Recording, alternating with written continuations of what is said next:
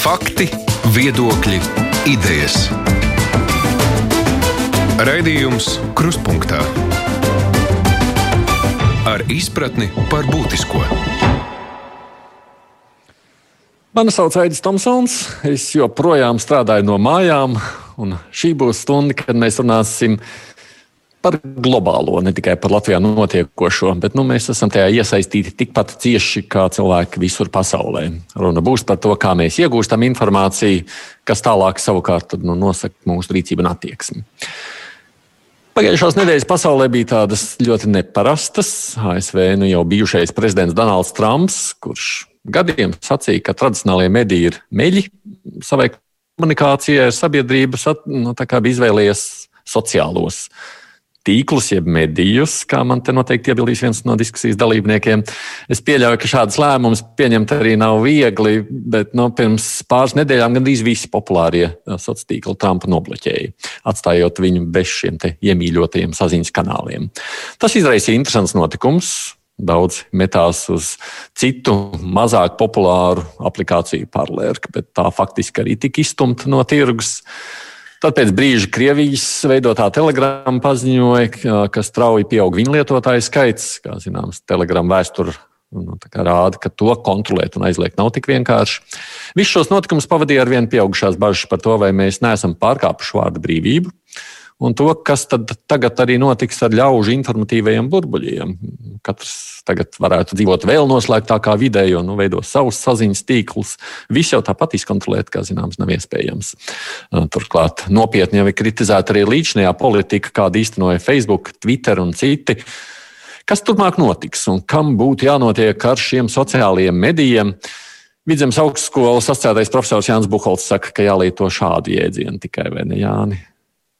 Jā, nu man, man pārliecība ir, ka sociālā tīkla un sociālā, sociālajā mediji ir, ir divas atšķirīgas lietas. Eh, jo sociālā tīklošanās attiecās pirmām kārtām uz to, ko mēs darām komunikatīvi, un tas nozīmē, ka um, šīs vietnes, nav tīkla, tāpēc, ka viņas ir tikai vietnes, viņas tikai platformas, bet, bet tīklojamies mēs kā indivīdi, un tīkloties mēs varam arī ārpus interneta.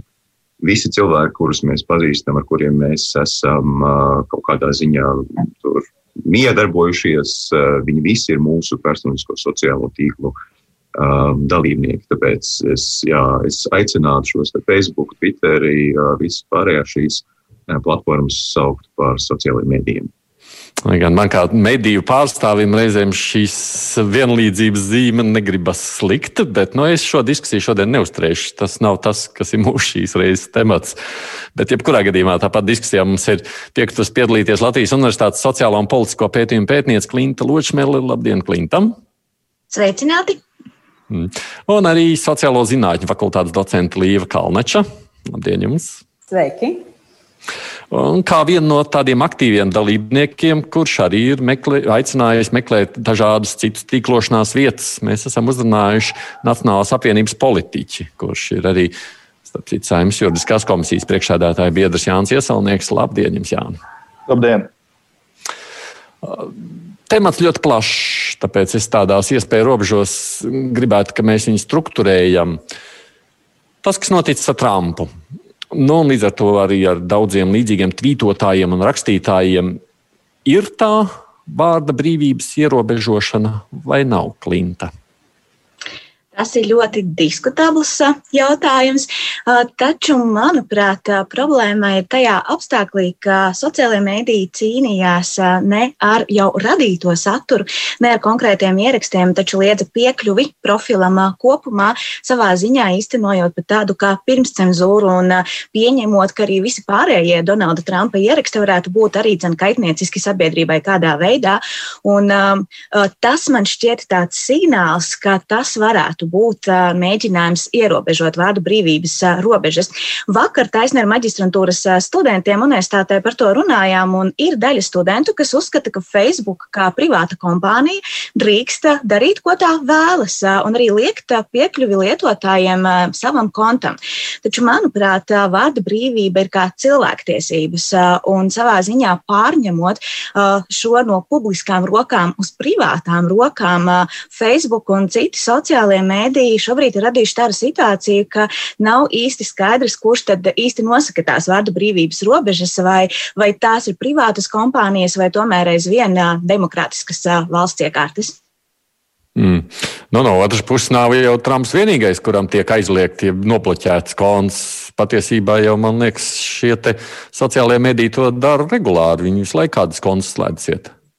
Uh, nu, līdz šim tā praksa ir bijusi kaut kādu brīdi, tas uh, konts uh, varbūt ir iesaldēts un tad nav, nav iespējams tam piekļūt. Taču šis konkrētais gadījums, manuprāt, ir, ir tāda zīme, ka jābūt ļoti uzmanīgiem un jā, jāvēro, kas tad tālāk ar sociālajiem mēdījiem notiks, vai tiešām tie ies vēl tālāk. Un Donalda Trumpa gadījums un viņa atbalstītāja gadījums nebūs vienīgais. Taču es gribētu piebilst, ka lūdzu nepārprotiet mani, es, es noteikti iestājos par to, ka ir jācīnās par dezinformāciju, taču ir jāskatās, ar kādu metožu palīdzību to var darīt. No nu jā, par to jau tas stāsts arī ir Jāni, kā izskatās no jūsu skatu punkta. Man šeit tas, jā. Nē, es šoreiz piedodiet, es sākšu ar Buholci. Es aizmirsu, ka jūs esat divi Jāņi. jā, man šķiet, tas izējas punkts šeit ir, kas ir uh, par to, ko mēs īsti definējam kā vārda brīvību, ko mēs ar uh, vārda brīvību saprotam.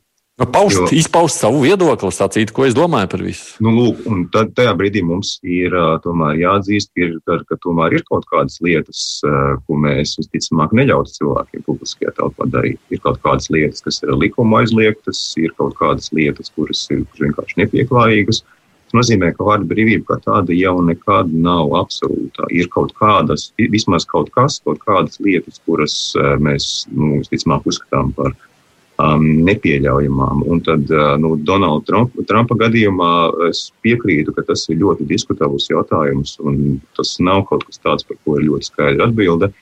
Um, bet nu, tur droši vien tā, tā galvenā argumentācija bija par to, ka prezidents darīja lietas, kuras uh, vismaz pēc, pēc šo sociālo mediju platformu pārstāvu uzskatiem grauj uh, konstitucionālu kārtību.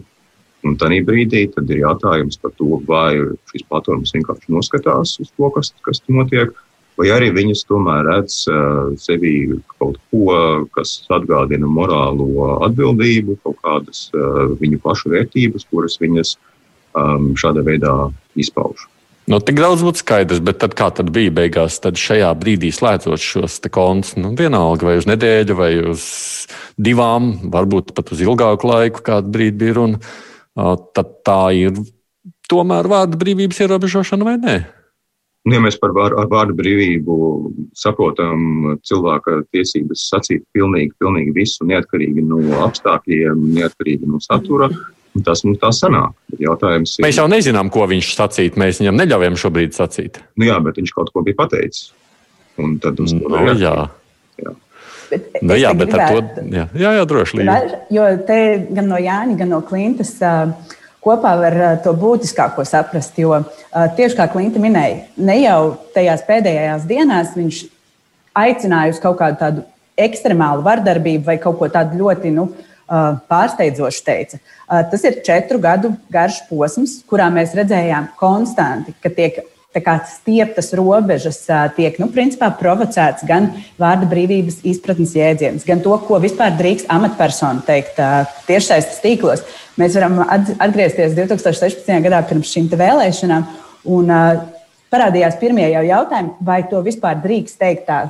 Pa, pa vienkāršo Twitterī. Pēc tam viņš tika ievēlēts par prezidentu, un mēs nedaudz mainījām to pieeju, kā vispār skatīties uz to, ko nu, politiķis saka tiešsaistē.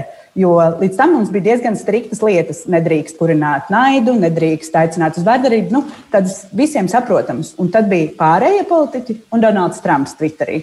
Un tas, nu, tā izpratne, un tas, ko es gribētu arī teikt, varbūt mēs visi kaut kur kaut kādā mērā esam apjukuši ar to, ko vispār nozīmē vārda brīvība. Jo šo četru gadu laikā uh, nu, viņam tika ļauts teikt daudz vairāk, kā mēs tādā citā situācijā būtu skatījušies. Tāpēc es domāju, es piekrītu gan uh, Klintai, gan Jānim, ka nu, mēs varam, protams, minēt, ko viņš būtu darījis, bet uh, droši vien tas lēmums ir vairāk tā kā, tāds uh, pārsteigums, tāpēc, ka tieši tajā sekundē nu, nekas tik ļoti tāds akūts nenotika. Izņemot to, ka bija šie te, uh, protesti, kur arī nu, pētnieki diskutē par to, vai tiešām tieši viņa tvīts būtu iedvesmojis iet ielās, vai tā tomēr bija uzruna, kuru arī, protams, viņš nopublicēja Twitterī. Nu, tas ir skaidrs, bet jūs tā kā teikt, ka viņu vajadzētu ierobežot bijis vēl agrāk? es teiktu, ka tās bija diskusijas četru gadu garumā, un uh, droši vien nebija mēnesis, kurā ne, nebūtu pacēlies jautājums, vai viņam nevajadzētu ļaut piekļuvi, uh, vai viņam vajadzētu dzēst šos tvītus. Un mēs zinām, ka ir bijuši Amerikā pieprasījumi pēc šo tvītu dzēšanas, un Twitter tajā brīdī teica, nē, tā ir vārda brīvība, viņš var to darīt. Un tikai pēdējā reāli, nu, es gribētu teikt, gada laikā, vai kolēģi man pielabojot, ir mainījies tas, ka beidzot arī šīs platformas norāda, ja ir kaut kāda dezinformācija, ja ir nepatiesi šie fakti līdz tam. Nu, tik cik paši lietotāji rakstīja apakšā, tie nav gluži īsti taisnība, vai tā mēs nevaram teikt. Bet no platformu puses tā iesaistīšanās principā ir nu, pēdējā gada Nu, domāju, nu, tas ir skaidrs. Jā. Man, protams, gribētos dabūt tagad, šit, nu, kā to sauc, diagnozi. Temperatūras mērīšana ir skaidra. Tagad ir skaidrs, nu, kas tad, tad ir vai nav. Iesaimnieks Jānis. Tagad. Jā, nu, manuprāt, viennozīmīgi ir vārdu brīvības ierobežošana, jo skaidrs, ka kaut vai Trumpa gadījumā tur nebija tādi, manuprāt, vismaz acīm redzami nelikumīgi ieraksti, kas robežotos ar kriminālu tiesībām. Vismaz es neko tādu tur nesaskatīju. Tur bija politisks viedoklis, viņš var nepatikt, bet tas bija viens faktiski Amerikas puses viedoklis. Un, un šobrīd šī puse tiek zināmā mērā apklusināta. Es drīzāk piekrītu Vācijas kanclers viedoklim, ka ir diezgan bīstami, ka šī, šīs te tehnoloģiskās kompānijas, kas ir ieguvušas faktiski monopolu stāvokli kaut kādā noteiktā jomā, uh, varbūt tās, kas izlems, kurš uh, viedoklis ir tiesīgs eksistēt publiskajā diskusijā un kurš nevar.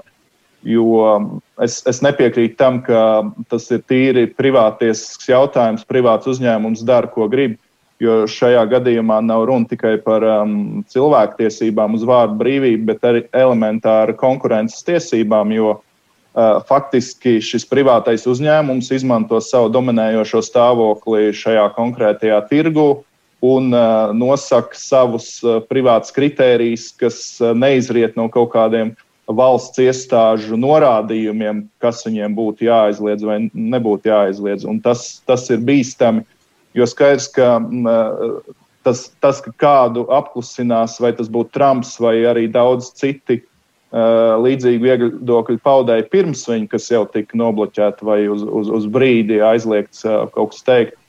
Viņi jau nemainīs savas domas no tā, ka viņus nobloķēs. Drīzāk tas viņus iespiež vairāk kaut kādā radikālismā, un, un nevelti veidojās uh, paralēlas platformas. Un, manuprāt, tas sabiedrībai kopumā ir ļoti bīstami, ka, ka mēs vairs ne tikai uh, dalīsimies burbuļos pēc tā, kurš kuram seko kādam uh, viedokļu līderim sociālā tīklā, bet ka mums jau paši sociālie tīkli būs atšķirīgi. Teiksim, konservatīvā sabiedrības daļa lietos vienus sociālos tīklus, un varbūt pat vienus serveru uzturētājus, kā mēs redzējām pārlēra gadījumā, kad, kad serveru uzturētājs jau faktiski pēc uh, Twitter un citu faktiski pārlēra kon konkurentu aicinājumiem. Uh, tika šis privātais uzņēmums, kas ir konkurents Twitterim, faktiski aiztaisīts ciet. Uh, līdz ar to nu, tas ir bīstami, ka sabiedrība šādi sadalās divās ļoti karojošās nometnēs, kas savā starpā vairs pat nediskutēs, jo vienkārši nebūs platforma, kur diskutēt. Nebūs. Un šis ir ļoti būtisks jautājums, ko jūs sakāt, Jānis, tāpēc, ka tas arī tas mūsu šīs diskusijas pamatu uzstādījums. Es tikai drīkstētu vēl mazliet precizēt. Jūs domājat, ka tas, ko izdarīja Facebook, Twitter, ka tur bija valsts kaut kāds uh, uzstādījums, ka viņiem tā ir jārīkojas. Nu, Protams, kaut kāds FBI vai es nezinu, Nē, noteikti, teica viņiem, es... ka viņiem jāslēdz Trumpa konts. Nē, tieši pretēji, kad manuprāt, privātas kompānijas, kas ir eh, tuvu monopolu stāvoklim vai dominējušam stāvoklim, šādā veidā savu varu drīkst realizēt tikai tad, ja tas ir tiesību sargājošo iestāžu jau rīkojums, sapratu, ka jums ir sapratu, tur, tur šāds tur noziegums jānovērš. Bet sapratu, nedrīkst sapratu. Uh, voluntāri to darīt. Jā, sapratu. Nu, labi, es saprotu, otrs Jānis Līdz runās. Jā, es gribēju te, te piebilst, ka uh, Um, šis noteikti ir tāds jautājums, kurš ļoti daudz satrauc, un ir tiešām arī iemesls, kāpēc arī daudz citu valstu politiķi, valdību pārstāvji ir izteikuši kritiku par to, kas ir noticis. Tāpēc, mēs, mēs varam teikt, ka tas, kas ir noticis ar Trumpu un Twitter un, un pārējām viņa platformām, tas, tas varētu arī nolasīties kā, kā signāls par to, kas ir iespējams. Tātad ir iespējams arī, ka citu valstu leģitīvie līderi kaut kādos apstākļos var tikt uh, no platformām izraidīti. Um, bet te noteikti tomēr jāņem vērā, ka tas, kas notiek ar Trumpu, tas ir, uh, tam, tam vajadzētu būt izņēmums stāvoklim, un tam automātiski nevajadzētu nozīmēt, ka, ka kaut kas tāds var, var notikt ar, ar, ar citiem. Lūk, un tad ir jautājums par to, uh, kurš ir tas, kurš nolēmī, uh, kādos apstākļos tas var notikt. Un es arī piekrītu iesaulnieku um, kunga viedoklim par to, ka ir problemātiski, ja šīs dažas platformas ir tās, kuras uh, nosaka šādus noteikumus uh, visā pasaulē. Uh, Tanī pašā laikā ir jautājums par to, kas ir alternatīva. Uh, alternatīva, protams, varētu būt tāda, ka katra valsts individuāli to nosaka. Tātad katrai valstī ir savi likumi, katrai valstī ir savas tiesas, un ja cilvēks ir uh, pateicis kaut ko tādu, kas konkrētās valsts likuma kontekstā ir uh, ir, ir neatļaus, un tad, nu, tad šo cilvēku var arī dzēst, vai, vai viņa ierakstus var, var, var dzēst tādā. Bet tā problēma ir tāda, ka ne visas valsts, valstis pasaulē ir demokrātiskas, un ne visas valstis ir tādas, kurās tiek cienīta vārda brīvība. Mums ir valstis, kurās ir represīvi režīmi, ir valstis, kurās nedrīkst vispār nekādā ziņā kritizēt varu, un tad beig beigās varētu sanākt arī šī situācija, ka ja kāds cilvēks pasaka kaut ko kritisku par uh, savas valsts valdību, kas konkrētās uh, valsts kontekstā ir nelikumīgi, um, tad sanāk tā, ka šis, šis cilvēks arī tiek uh, dzēsts no sociālā mēdīja. Tad, tad tas jau gan notiek, jautājums, bet realitāte jau tas tā notiek. Nē, nu, bet jautājums, nu, uh, es negribētu piekrist. Viņiem pat beigās nav pieeja Ķīnā tam medijam, tāpēc, ka valsts jau parūpējas, lai nevarētu. Nu, man, man šķiet, ka Ķīna ir cits gadījums. Es, es gribētu drīzāk izmantot piemēru par, par Krieviju, kur pašlaik arī tā, ka, ka varas iestādes ir aicinājušas sociālo mediju platformas neizplatīt informāciju, kas uh, ir par uh, protesta akcijām Navaļnija atbalstam. Tātad tur mēs redzam, ka šīs varas iestādes vēlas, lai sociālajā mediju platformas darbotos drīzāk kā varas iestāžu interešu realizētājs, nevis kā vārda brīvības realizētājs. Un tad, nu, tur es domāju, ka var, var viegli iebraukt arī otrajā grāvī.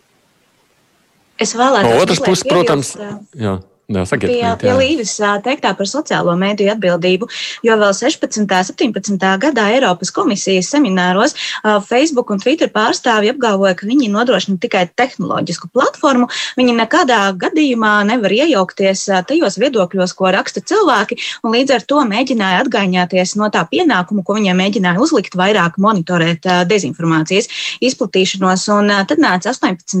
gads Eiropas komisijas rīcības plāns dezinformācijas mazināšanai, kuram līdzi nāca piespiedu tādā labprātīgā kārtā šīm lielajām platformām tāds parakstīts labās prakses kodeks, kurā tad viņi vienojās, kāda būs tā rīcība, ko viņi veiks dezinformācijas mazināšanā. Būtībā tas bija tāds pirmais solis, kurā kaut kas tika darīts. Un tas, ko mēs redzam, faktiski pēdējais pusgads, sākot apmēram ar augustu, ir laiks, kurā varbūt ir lielāka uzmanība vērsta tam, ko, ko ir rakstījis Donalds Trumps vai, vai kāda cita pasaules pasaules līderi un arī ierobežoti piekļuva šiem konkrētajiem ierakstiem. Un piebildīšu par, par jaunāko pētījumu, tas ir no Signāla labs, kas izpētīja, kāda tad situācija ir ar dezinformāciju par krapšanos Amerikas Savienotā valstu vēlēšanās nedēļu pēc tam, kad Trumpa un viņa atbalstītāju konti tika bloķēti. Un rādītājs ir tāds, ka tā ir kritusies par 35% mazāk reižu kaut kur sociālajos medijos tiek pieminēts tas, ka ir notikusi krāpniecība, vēlēšanu rezultāti ir viltoti. Taču ir jautājums, vai, vai, vai tā kā Līva arī minēja, vai nevajadzēja to jau darīt pakāpeniskāk, laika gaitā pievērstam uzmanību ne tik daudz pēdējā brīdī, patiešām nobloķējot piekļuvu uz visiem laikiem šiem sociālajiem mēdījiem. Es šo aspektu, protams, noteikti tūlītās arī pārunāsim, bet tomēr skatoties uz visu, nu, nav jau teikts, ka tie viedokļi tāpēc uzreiz pazuda. Visticamāk, viņi vairs netiek izteikti. Viņi meklēja, nu, tā kā iesaulniekungs sacīja, citas platformas, kurā varētu izpausties. Beig, beigās jau tirgus visu nosaka. Arī tādam Facebookam vai Twitterim jau ir svarīgi, cik viņam ir to sekotāji. Tā ļoti brīvi viņš nevar zaudēt visu savu popularitāti, lai gan viņi varbūt varētu atļauties vairāk nekā viena liela daļa citu.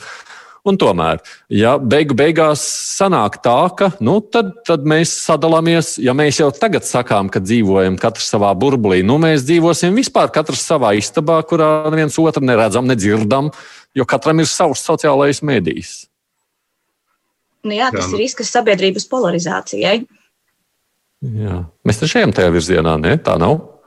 Mēs jau šobrīd ejam tajā virzienā ar to, ka interneta algoritmi sociālajos mēdījos mums ļauj komfortabli dzīvot tikai starp tiem viedokļiem, kuri mums ir simpātiski, kuriem mēs piekrītam. Tas veicina to, ka sabiedrībai kļūst arvien grūtāk savā starpā sarunāties. Nu, tādā pārlistā nozīmē, jo, proti, demokrātija kā, kā valsts uh, iekārta paredz, ka kādi lēmumi tiek pieņemti tādu diskusiju ceļā, vienojoties par kādiem kompromisiem. Taču, ja katrs ir savā burbulī un uh, katrs ir ļoti iekapsulējies pie tā sava viedokļa, tad tā sarunāšanās ir diezgan apdraudēta. Un tas, protams, ir viens no tādiem polarizācijas riskiem. Mm. Ja drīkst pieminēt, tad, Jā. manuprāt, mēs tomēr esam sasnieguši jau kaut kādu jaunu līmeni, jo kaut vai es skatoties pēc sava Twitter sekotāju saraksta, es varu redzēt, ka man, maniem viedokļiem seko arī daudz man uh, oponenti. Ja, teiksim, pat, pat liela daļa īstenībā no sekotājiem ir, ir uh, ne tie, kas man piekrīt. Bet, piemēram, uh, ja es tiek izslēgts no Twitter un pār, pārēju uz citu tīklu, kur būs tikai, teiksim, nacionāli konservatīvie, tad skaidrs, ka, ka manu viedokli vairs šie liberālie uh, lasītāji neredzēs, un es arī neredzēšu to, ko raksta. Es arī sekoju pats daudziem liberālu viedokļu paudējiem. Līdz ar to mēs vairs nedzīvosim uh, tādā pašizvēlētā kaut kādā, kam sekot uh, uh, burbu, burbulī, tādā, teiksim, maigajā burbulī, bet tiešām tā teikt, noslēgtās cietuma kamerās jau nevis burbuļos, kur, kur, kur vienkārši. Un tas jau, manuprāt, ir, ir ceļš uz to, ka Eh, pirmkārt, mēs dzīvosim dažādās faktu pasaulēs, jo uz katru faktu ir, ir tā anekdote par to, eh, kas ir zilonis. Ja tas ir atkarīgs no kuras puses uz ziloni skatās. Arī par faktiem ir tieši tas pats. Eh, īpaši vēsturiski mēs zinām, ka katra valsts vēsturi traktē atšķirīgi, un katrai varbūt ir sava daļa taisnības, jo viņi skatās no savas pieredzes viedokļa. Tāpat arī uz, uz, uz jebkuru faktoru skatīties ļoti, no, ļoti atšķirīgi leņķi, un, un, un tam cilvēkam būs kaut kādā ziņā taisnība. Bet, ja mēs vienu šo skata leņķi pasludinām par vienīgo patiesību, un citi skata leņķi uz, uz šo faktu ir meli, uh, tad mēs nonākam pie totalitāras sabiedrības. Un skaidrs, ka, uh, ja Eh, pat eh, padomju okupācijas režīmā atradās latvieši, kas eh, spēja izplatīt alternatīvu viedokli padomju propagandai, tad šajos apstākļos ne jau Twitter vai Facebook vai, vai kāds cits izlems, ko cilvēki patērēs un ko nepatērēs. Radīsies šīs alternatīvās platformas, bet nesarunāsies cilvēki, vispār pat neredzēs, ko pretējā puse raksta. Un tas ir man bail, tas ir pat Tur vairs nebūs eh, teiksim, tādi spontāni konflikti, kā mēs redzējām pēc, eh, pēc šī te, um, ASV vēlēšanām, kur tiešām uz ielām cilvēki sāk kauties uh, savā starpā dažādu pušu atbalstītāji. Tas ir ceļš uz reāli uh, divām paralēlām pasaulēm, ka, kur, kur uh, gala pietur ir pilsoņu karš. Tas jau izklausījās jau pamatīgi nopietni.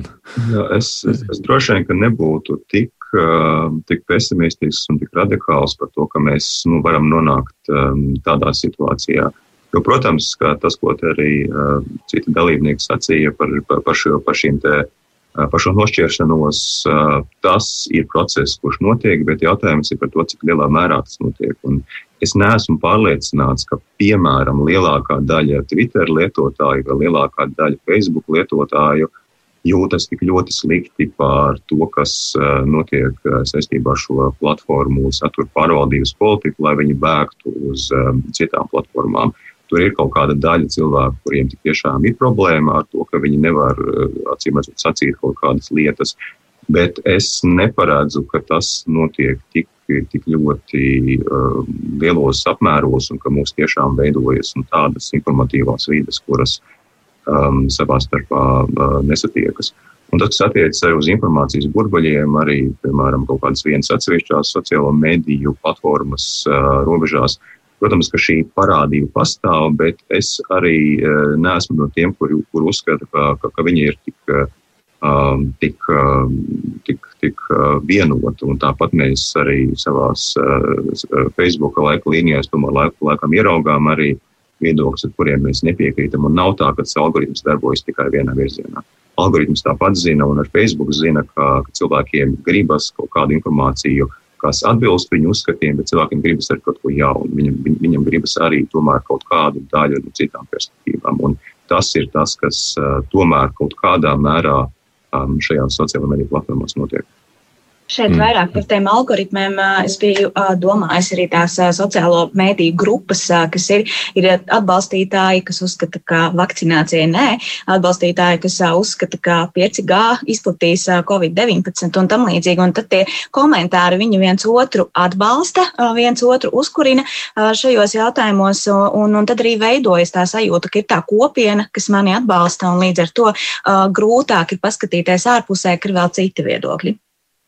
Es par šo labprāt arī turpinātu, ja tikai es varētu atgādināt tiem, kas ieslēgušies vēlāk, skatās un klausās, kas ir mūsu diskusijas dalībnieki šeit, runājot par to, kas ir noticis pēdējās nedēļās un kas notiek tālāk mūsu ar spēju vienam otru dzirdēt un saprast, vai arī drīkstēt izteikties. Šeit ir no Latvijas universitātes divas, um, divu mācību spēki, es pat varētu sacīt, sociālo un politisko pētījumu pētniece Klinta Ločmela un sociālo zinātņu fakultātes docenta Līva Kalneča, kā politiķis. Un, cilvēks, kurš arī juridiskās komisijas priekšādātāja biedrs saimā Jānis Iesaulnieks un Vidzemes augstskolas asociētais profesors Jānis Buholts. Raidījums Krustpunktā. Nu, par šiem algoritmiem kā tādiem. Tā jau nav, protams, ne pirmā reize, ne pēdējā droši vien, kad mēs par to runājam un runāsim. Bet tā vien šķiet, ka arī tas neuztrauc tikai Latviju, tas, protams, uztrauc visā pasaulē. Mēs redzam, Eiropas parlamentā notiek šobrīd kustība un Eiropas komisijā par to, vai tur var un vajag kādam no malas regulēt.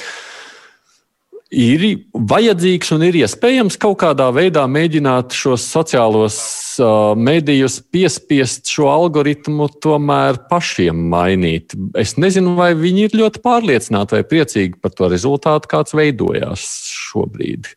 Kā jums šķiet, vai ir vērts vispār šajā virzienā skatīties, lūkoties, diskutēt, vai mēs tur tādā nolemtībā skatāmies. Tā viņi to ir darījuši, tur ir sava izdevīgā finansiālā puse, un ar to arī beidzam sarunu.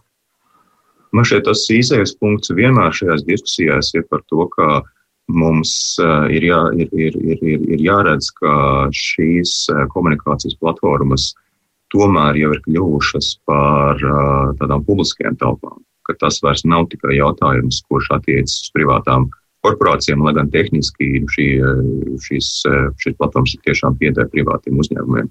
Un, attiecīgi, no šīm kompānijām mēs varam, kā, kā demokrātiska sabiedrība, tomēr arī prasīt, lai lēmumi tiktu pieņem, tik pieņemti ne jau tikai komerciālu interesu vārdā, bet tomēr arī saistībā ar sabiedrisko labumu. Uh, Un līdz ar to nu, šis jautājums par algoritmiem ir tāds, par ko ir vērts un par ko ir pamats uh, diskutēt arī, arī, arī publiskā līmenī.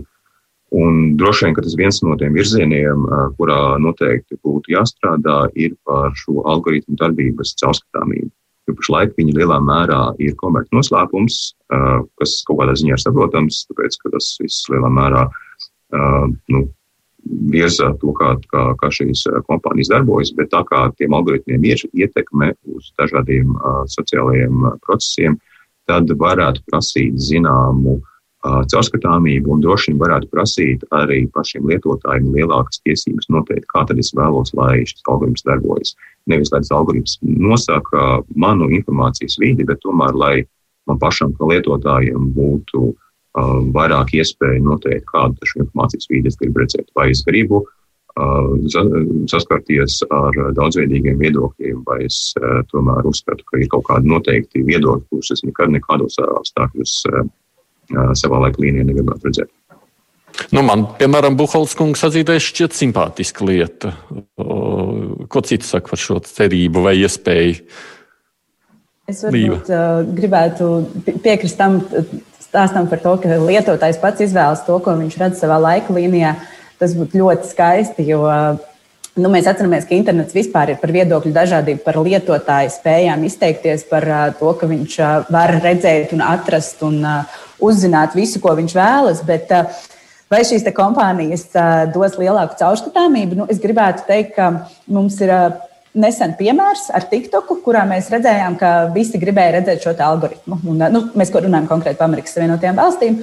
Un, uh, viņi teica, labi, un uh, pastāstīja, kā šis algoritms darbojas. Tā bija nu, tāda formāla atrunāšanās, uh, ne, principā neiedodot neko. Nu, lietotāji, kas lietoja TikTok, teica, nu, droši vien, jā, tā varētu būt, ka viņš strādā.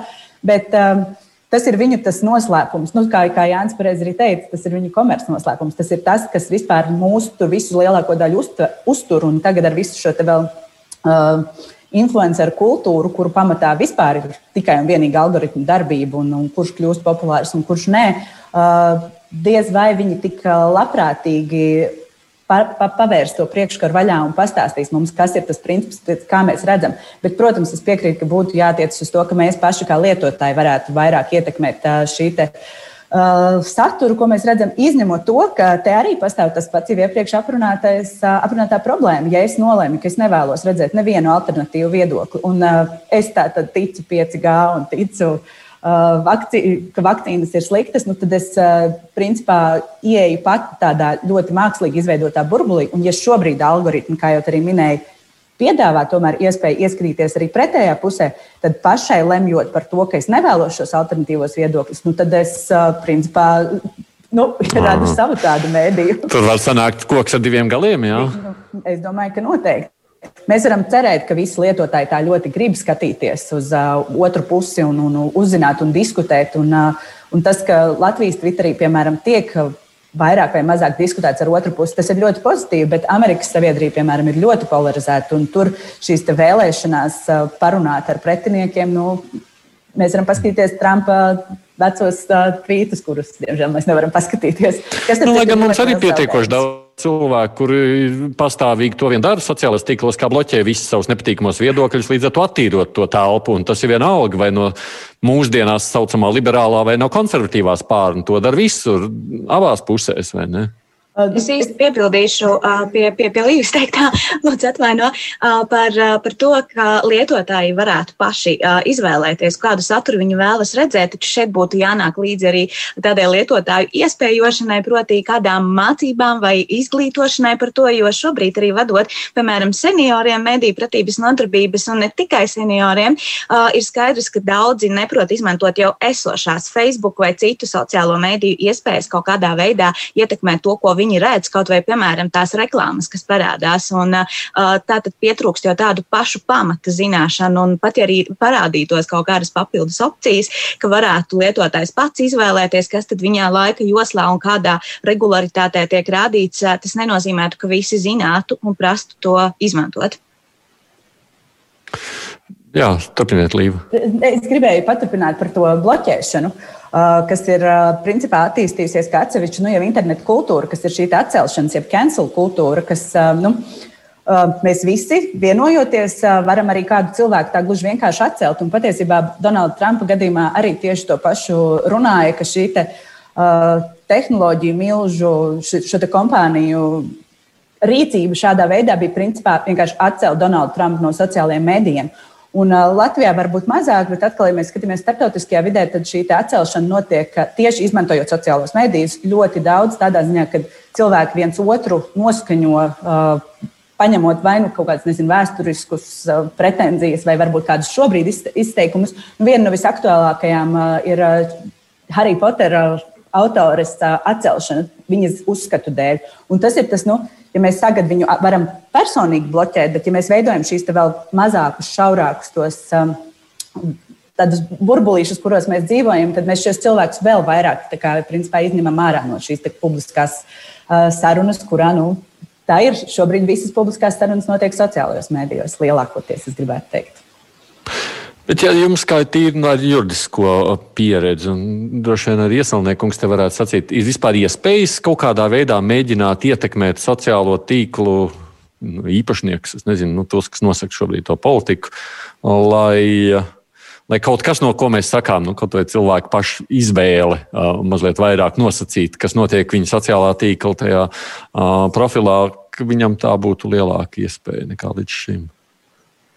Eh, nu, mēs zinām, ka nesen Polija tieši pēc šī Trumpa nobloķēšanas pieņēma likumu, kas uh, tikai tādā gadījumā, ja polijas varas iestādes uzskata, ka cilvēks ir bloķējams, tikai tad ļauj, un, un ja globālais sociālais mēdījis, kas darbojās polijas Eh, nobloķē kādu polijas pilsoni bez, eh, bez šāda akcepta no valsts puses, ka viņš būtu pārkāpis likumu, tad eh, polijas valsts var uzlikt sodu.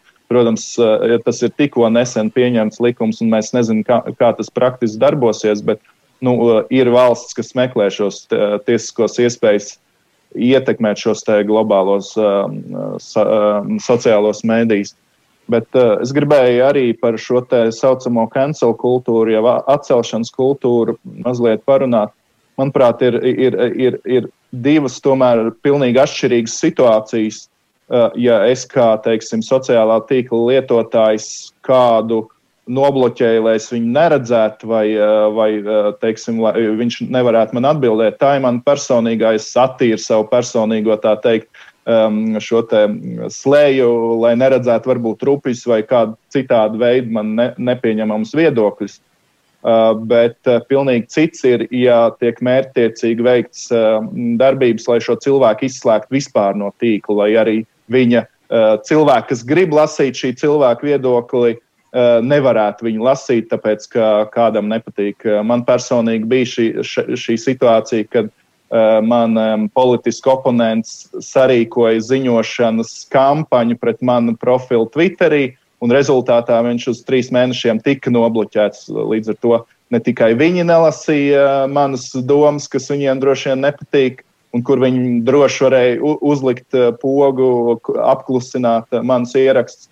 Bet uh, viņi panāca, ka arī uh, cilvēki, kas grib lasīt manu viedokli, nevar izlasīt manu viedokli vismaz Twitter tīklā.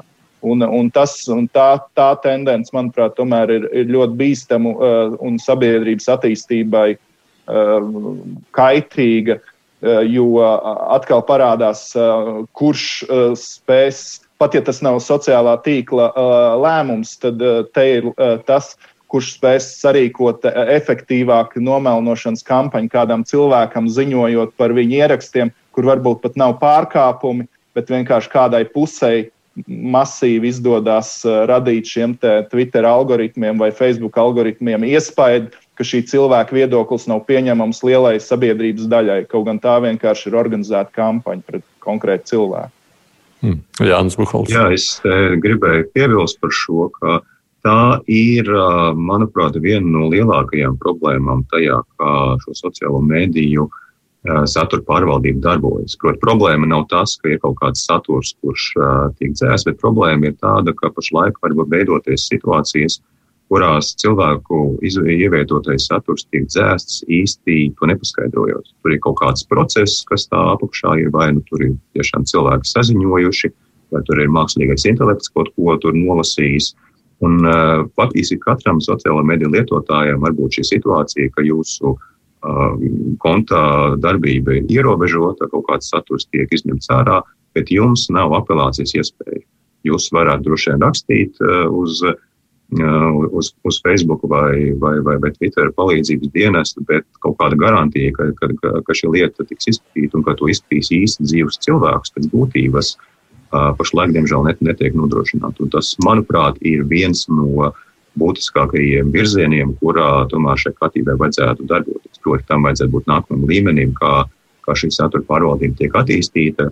lai šī te, um, lai šie dzēšanas gadījumi, lai, lai viņas būtu iespējams arī izskatīt. Jo tik tiešām ir iespējams arī kļūdas.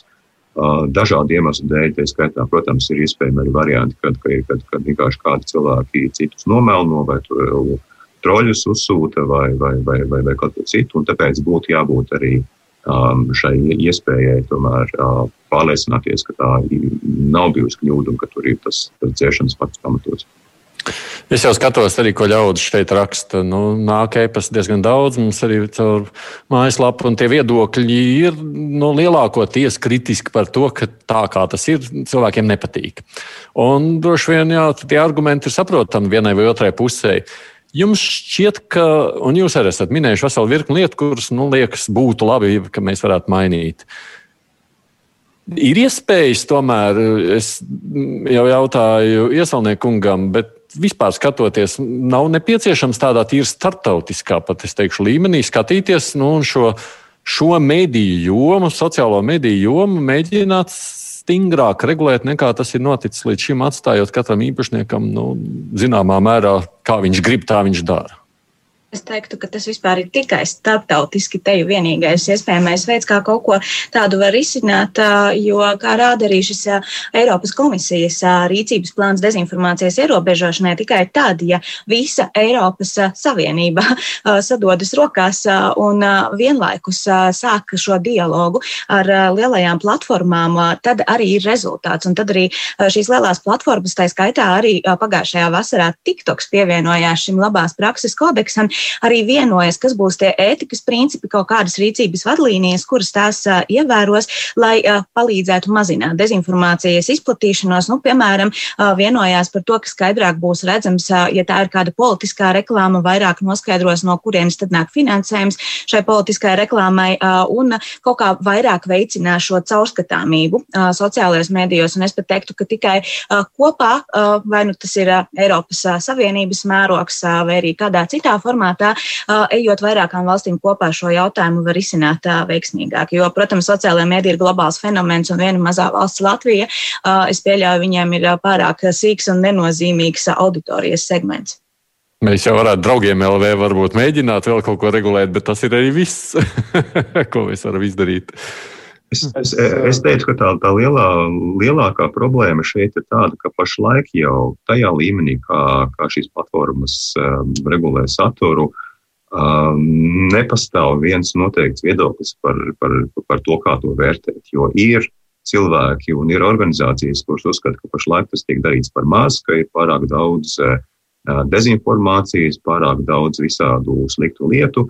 Un tad no otras puses, nu, savukārt ir cilvēki, kur uzskata, ka, ka, ka tā ierobežošana jau pašlaik ir nu, ļoti lielā līmenī, un ka tagad, pasaka, Dievs, vairs nav iespējams pateikt neko, lai jūs, lai jūs saturs netiktu dzēsts. Un līdz ar to tas lielais risks ir, ka pat ja mēs šo jautājumu paceļam starptautiskā līmenī, Tāpat būs noteikti diezgan daudz cilvēku, kuri, kuri apgalvos, ka lūk, tagad tādā globālā līmenī mans viedoklis uh, lai cik dīvains iespējams nebūtu, tiek apspiests, tāpēc, ka tur ir kaut kādi pasaules līderi, kaut kādi politiķi, vai es nezinu, kas vēl ir izdomājis, ka es tagad nevaru nezinu, noteik, lietot noteiktus vārdus, vai es nevaru nosa, no, nosaukt eh, noteiktus, noteiktus sabiedrības grupas kaut kādā. Bet varbūt, bet varbūt tās nav, jā, bet varbūt tas tās nav par to, vai viens viedoklis dāšams vai nav dzēšams. Varbūt tās ir tieši par to, ko mēs sakām par to algoritmu, par to iespēju piekļūt informācijai, par to veidu, kādā veidā mēs šobrīd tiekam salikt katrs savā kastītē, kurā mēs jau dzīvojam dažādās istabās istabās līva. Bet uh, algoritms un tā viedokļa dažādība ir divas dažādas lietas, es gribētu nošķirt. Jo algoritms uh, mums viņu saliks, un uh, mums droši vien pašiem tur klients pieminētā mediju pratība, izpratne vispār par procesiem būs tas, kas mums palīdzēs. Bet uh, tieši tie dīvainie viedokļi, un to, ko Jānis arī minēja, tie paudēji, tie gribēs uh, šo balsi paturēt internetā. Un, uh, droši vien algoritms visticamāk tos dīvainīšus uh, arī nepacels augšā, kamēr vien viņi nebūs tādi manāmi. Jo internets jau no paša sākuma bija par to, ka tā ir vieta, kur ja ik viens. Es aiziešu uz pašiem internetu pirmsākumiem. Ir šī burvīgā karikatūra, kurā ir ik viens internetā, uh, varbūt suns, jeb cilvēks. Nu, cilvēks sēž pie šī, suns sēž pie šī datora. Un tā mums arī ir, tāpēc arī ir tik liela tā pretestība zināmā mērā kaut kādiem ierobežojumiem šīm platformām, jo tā ir tā pēdējā vieta, kur cilvēkiem ir palikusi iespēja izteikties.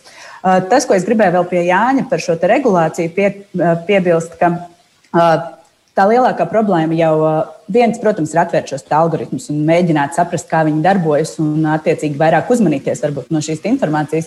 Bet otrs stāsts ir par to, ka šī informācija ir milzīga apjoma. Un pat ja mēs atrodam kaut kādu veidu, kaut kādas vadlīnijas, kuras mums visiem pasaulē dara, vai kaut vai tikai Eiropas Savienībai, kas būtu tie, kas šos kas to liks lietā, kas uzraudzīs to. Jo, kā jau Jānis minēja, šie te, nu, automāti šī brīža šie regulējumi un uzraudzība neapmierina ne lietotājs, ne arī pašas šīs platformas, jo tas gluži vienkārši notiek pēc principa, kā jau minēju, nospied podziņu, un iespējams tas ir uh, viss, kas tev ir jāzina par to. Tu nekad nedabūsi atpakaļ šo kontu, jo mēs varam pāraudzīt kaut ko, ja mēs zinām, kā mēs vispār to spētu kaut kādā veidā. Nu, katram ierakstam pielikt klāt cilvēku, nu, droši vien piekritīsiet, ka tas nav reāli.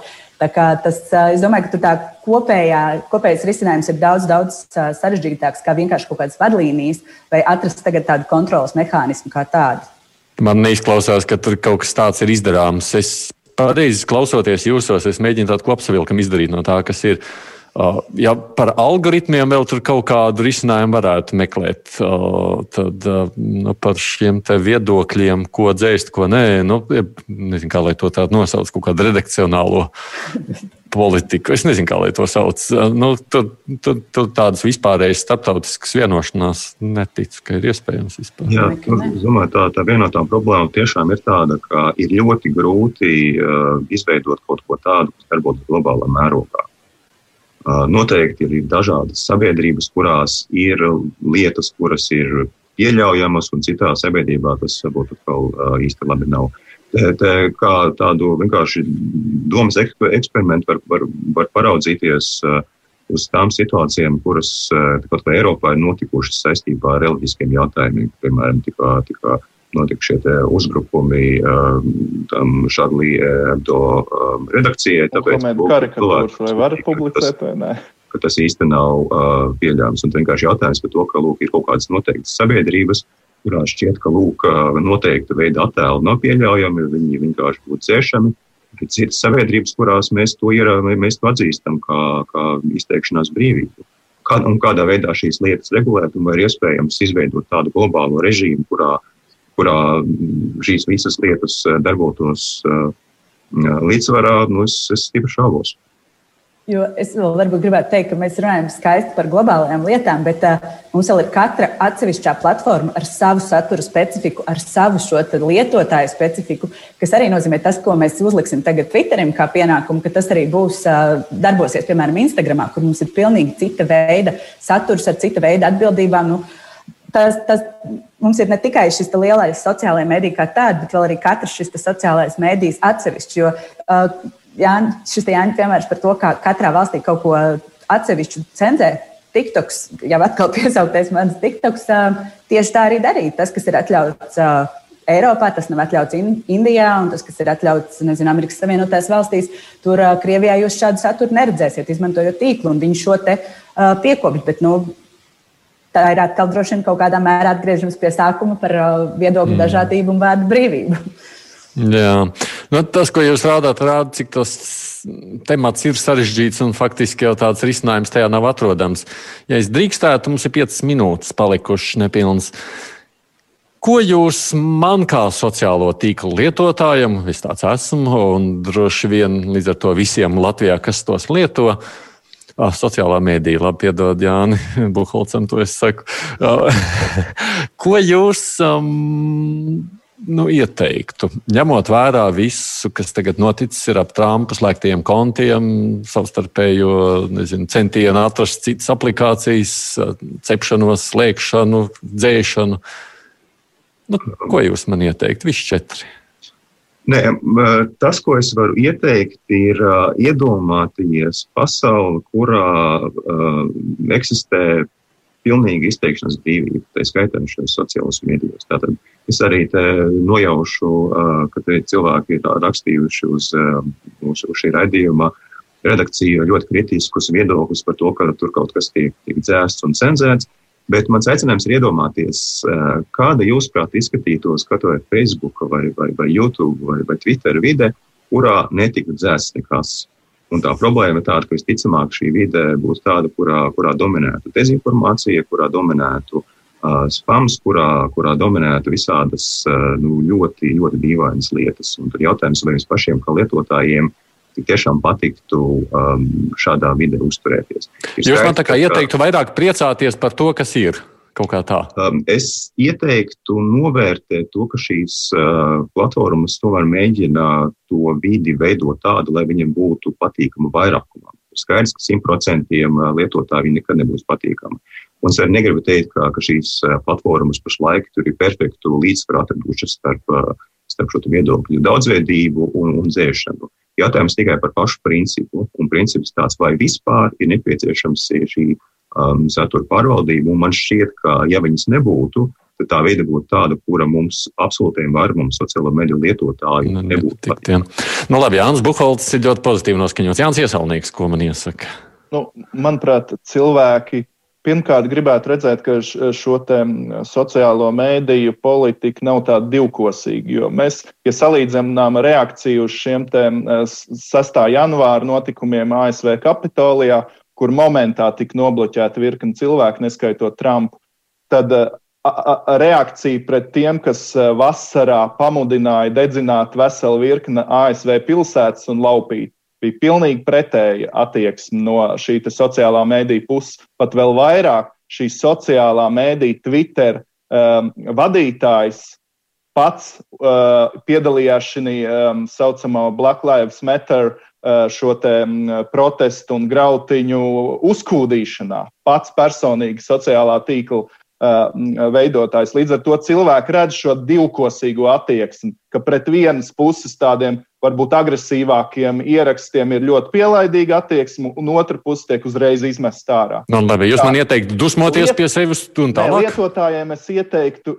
diversificēt savus sociālo tīklu profilus. Tā kā meklēt tomēr kādus citus vēl aplikācijas. Un rakstīt, jā. ja jums ir svarīgi savu ziņu nodot, rakstīt pēc iespējas vairāk dažādos tīklos, jo tad uh, ir cerība, ka vismaz kāds jūs nenobloķēs, ja jūs pateiksiet kaut ko tādu, kas mm. nesaskan ar, ar šī tīkla veidotāju uh, izpratni par to, kas Man jau trīs tīkli aizņem daudz laika, lai es vēl dažus trīs atvērtu. Labi, ko saka vēl Līva vai Klinta kādu no jums? Es ieteiktu nerakstīt sociālajos mēdījos to, ko neteiktu publiski, piemēram, no skatuves kādu pasākumu laikā.